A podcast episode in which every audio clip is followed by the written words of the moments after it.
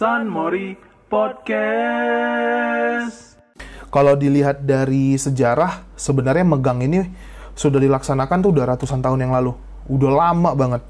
Itu dilaksanakan pertama itu di tahun 16 abad ke-17 berarti tahun sekitar 16 1607 sampai 1636 itu di masa uh, kerajaan Aceh, masa kesultanan Sultan Iskandar Muda. Uh, sebenarnya secara garis besar bisa dibilang kampus itu kuliah itu ngebentuk mindset kita. Bukan bagi gue bukan mencari ilmu yang di jurusan yang kita pelajari, bukan cuman itu itu juga tapi pembentukan mindset menurut gue lebih besar impactnya. Pergi ke laut mencari ikan. Yang didapat ternyata ikan pari dengan ini saya ucapkan selamat mendengarkan podcast San Mori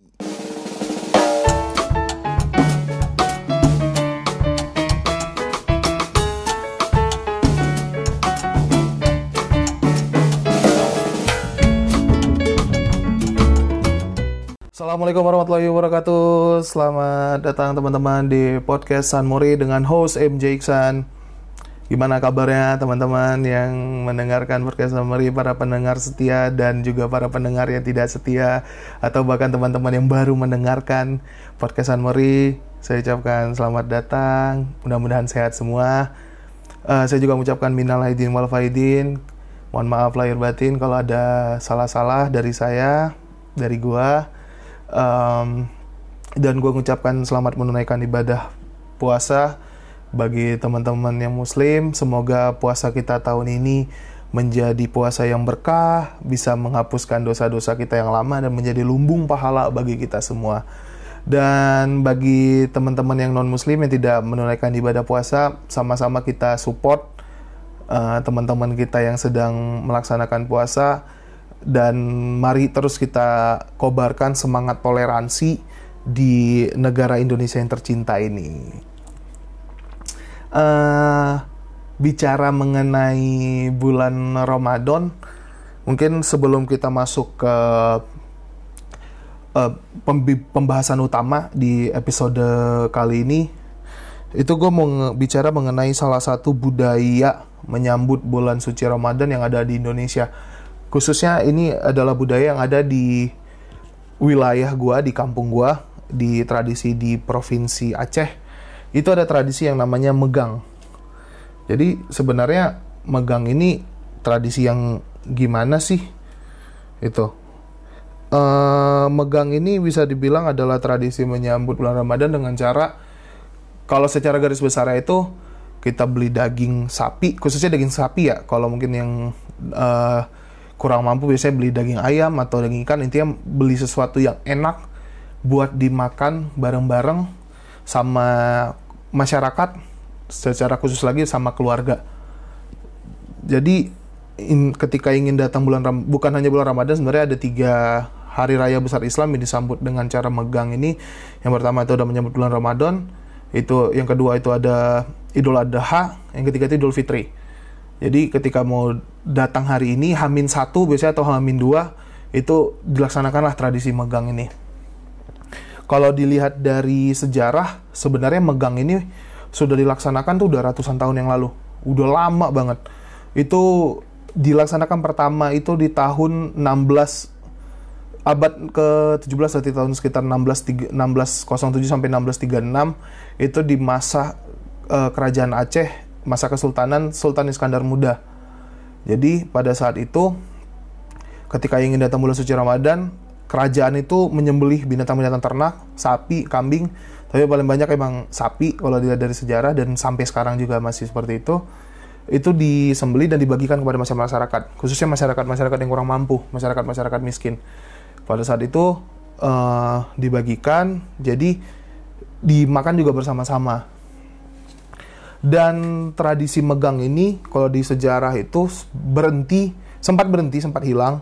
Itu di tahun 18 dari mulai tahun 1837 karena pada saat itu kerajaan sudah runtuh dan juga sudah kita juga kedatangan penjajah Belanda.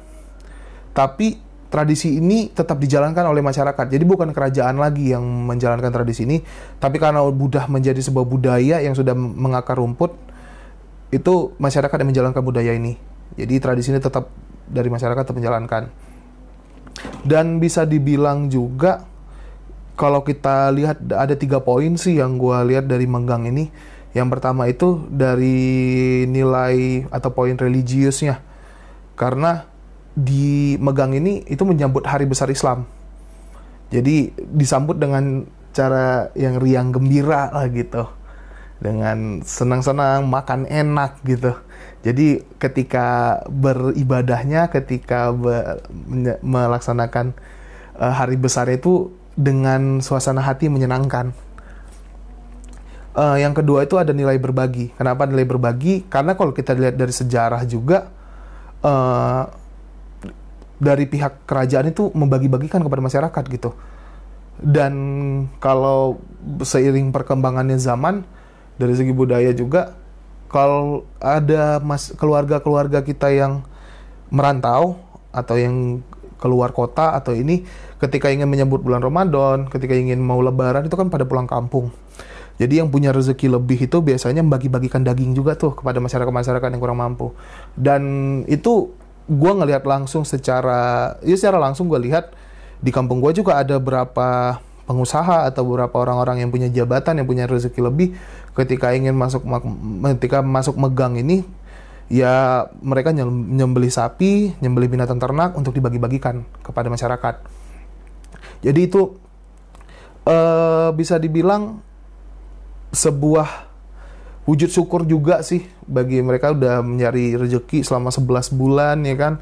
Selama berbulan-bulan. Ini sebagai wujud syukurnya dengan cara ya bagi-bagilah. Jadi uh, nyambung ke poin selanjutnya juga itu mengenai nilai kebersamaan. Karena uh, dengan ini kan jadi semua masyarakat merasakan hal yang sama.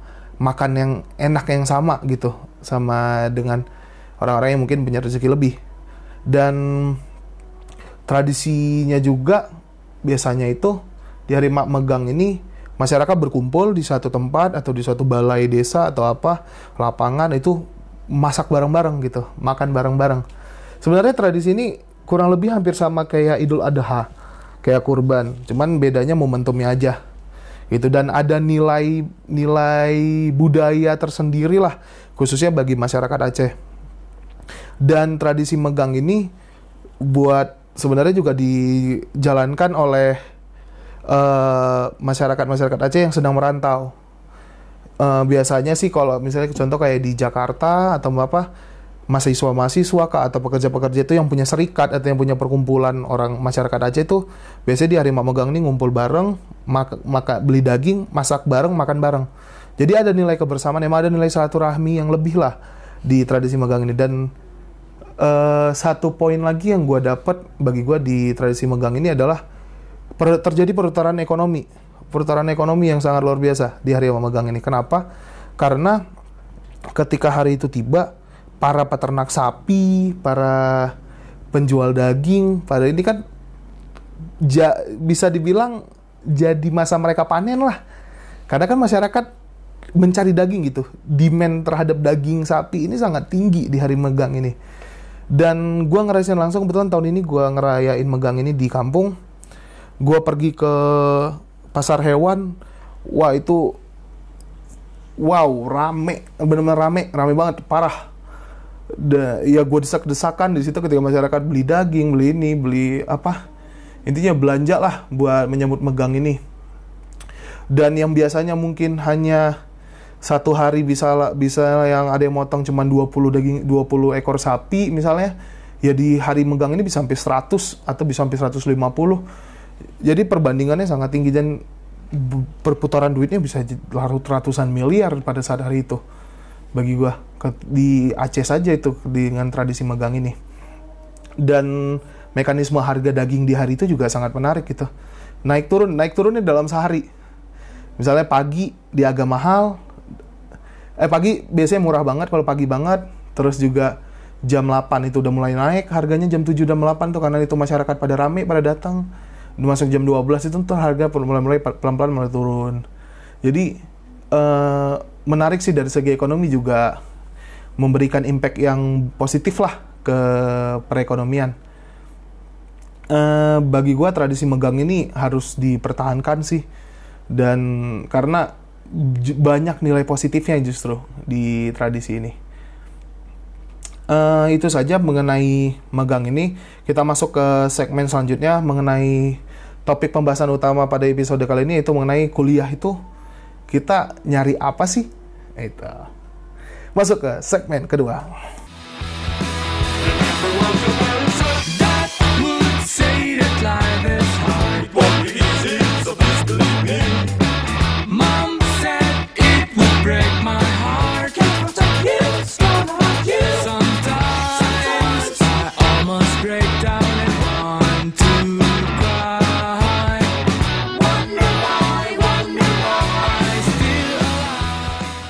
Kembali lagi di sama gua. Iya, yeah, MJ Iksan. Kita lanjut ke pembahasan mengenai perkuliahan.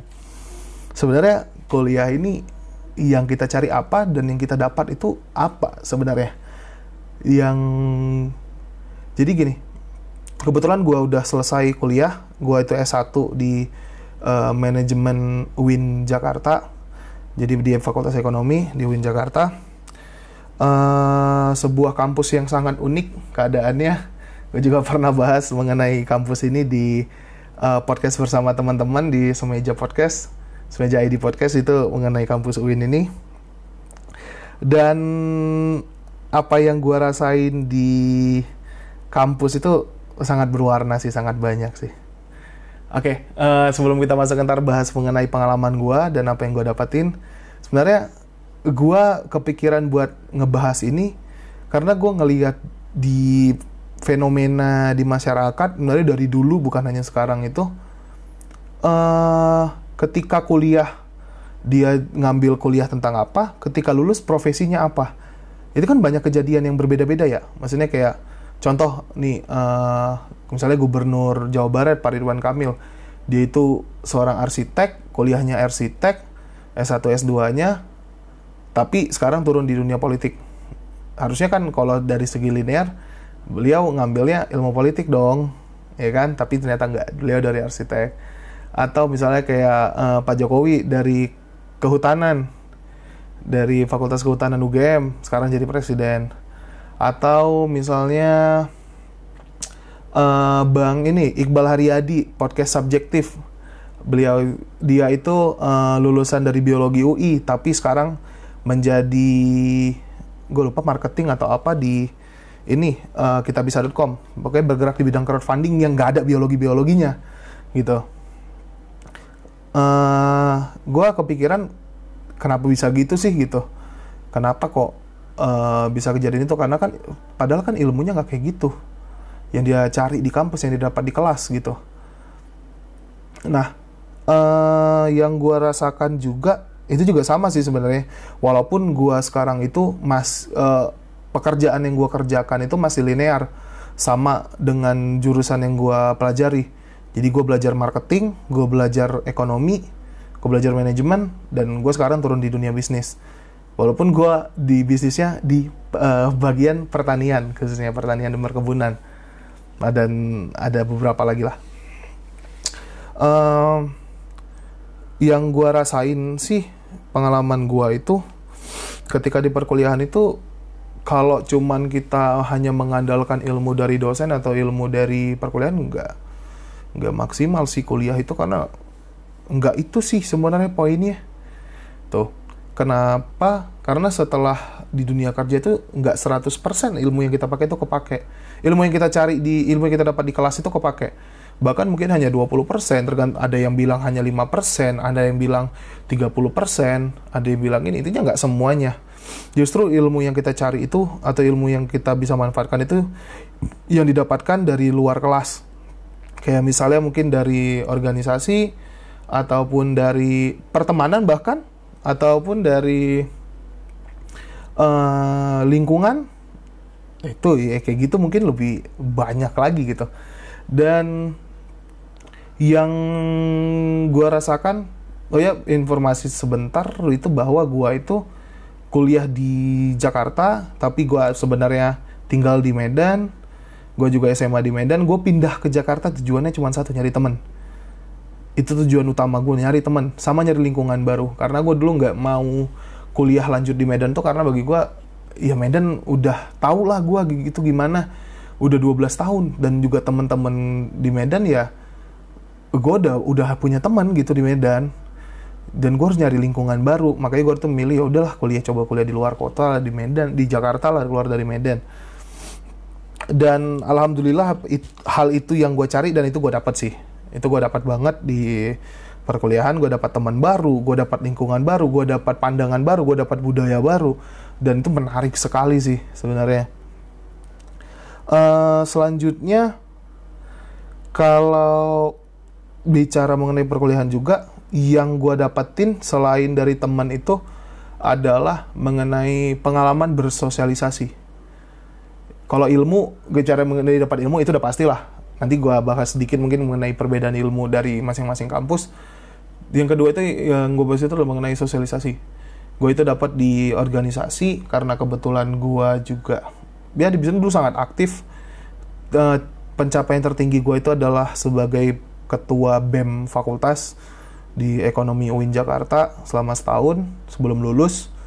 Dan gue dapat ilmu banyak banget di situ. Yang namanya gue ilmu ke, untuk lobbying untuk bertemu sama orang-orang yang orang-orang politik. Gue pernah ketemu dengan anggota DPR atau ini. Dan bertemu dengan orang-orang bisnis bertemu dengan orang-orang sosial dan itu kan masing-masing itu punya treatment yang berbeda-beda kepada orang-orang itu.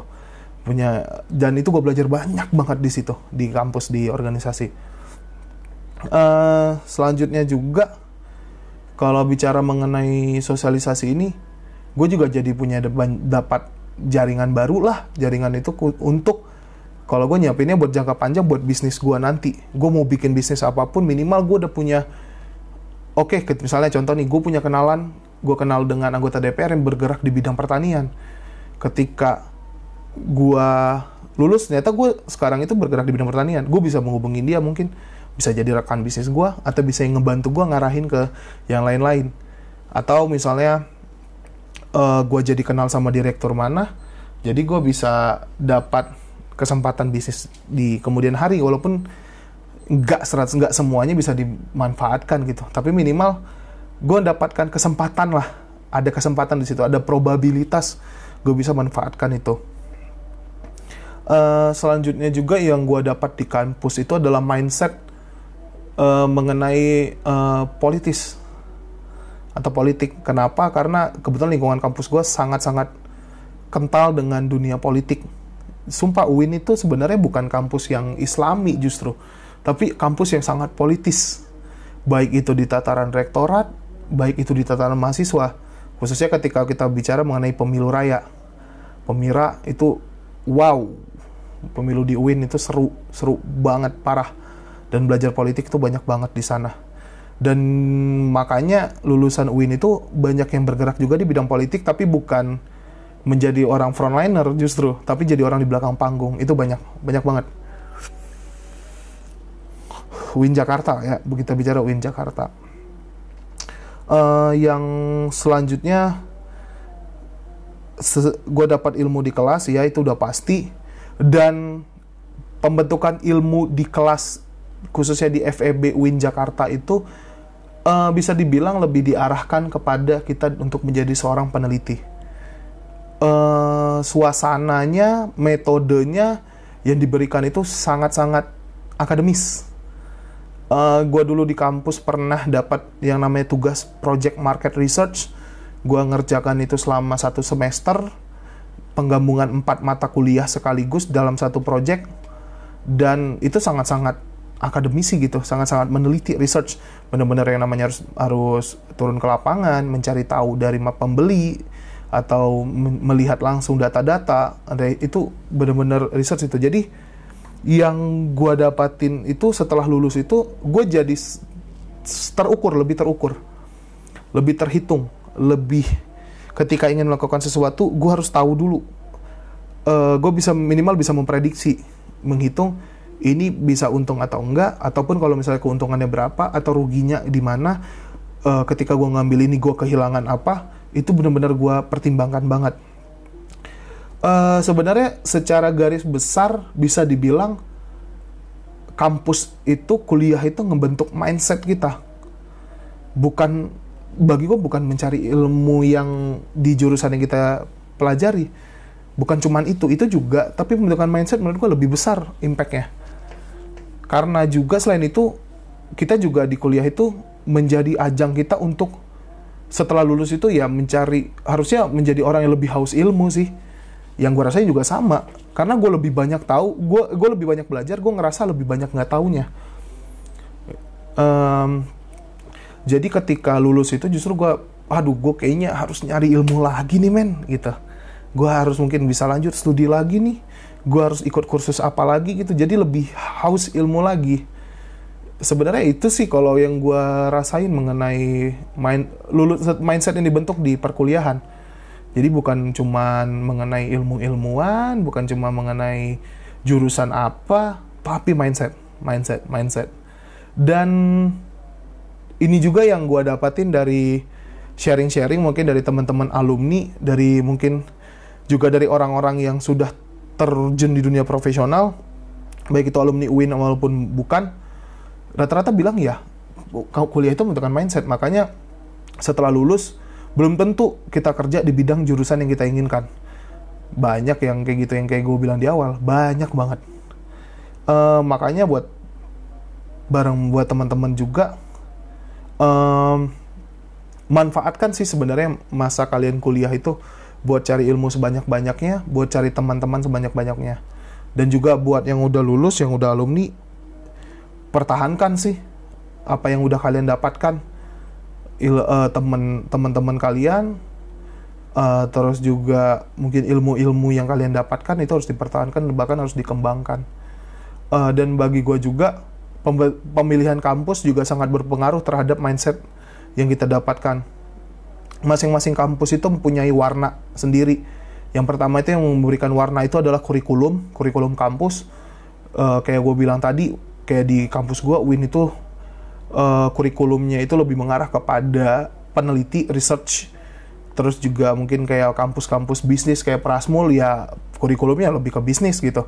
Makanya lulusannya lebih banyak ini di bisnis. Atau mungkin ada kampus yang kurikulumnya membentuk kita menjadi seorang yang pragmatis atau menjadi seorang yang profesional yaitu masing-masing kampus ada warnanya. Makanya sebelum kita kuliah khususnya yang buat mau lanjut S2 sih itu cari tahu dulu kampus itu seperti apa. Jadi kita bisa ngukur apa yang kita inginkan tujuan hidup kita apa bisa menyesuaikan dengan uh, kampus kita nanti dengan tempat kita mencari ilmu.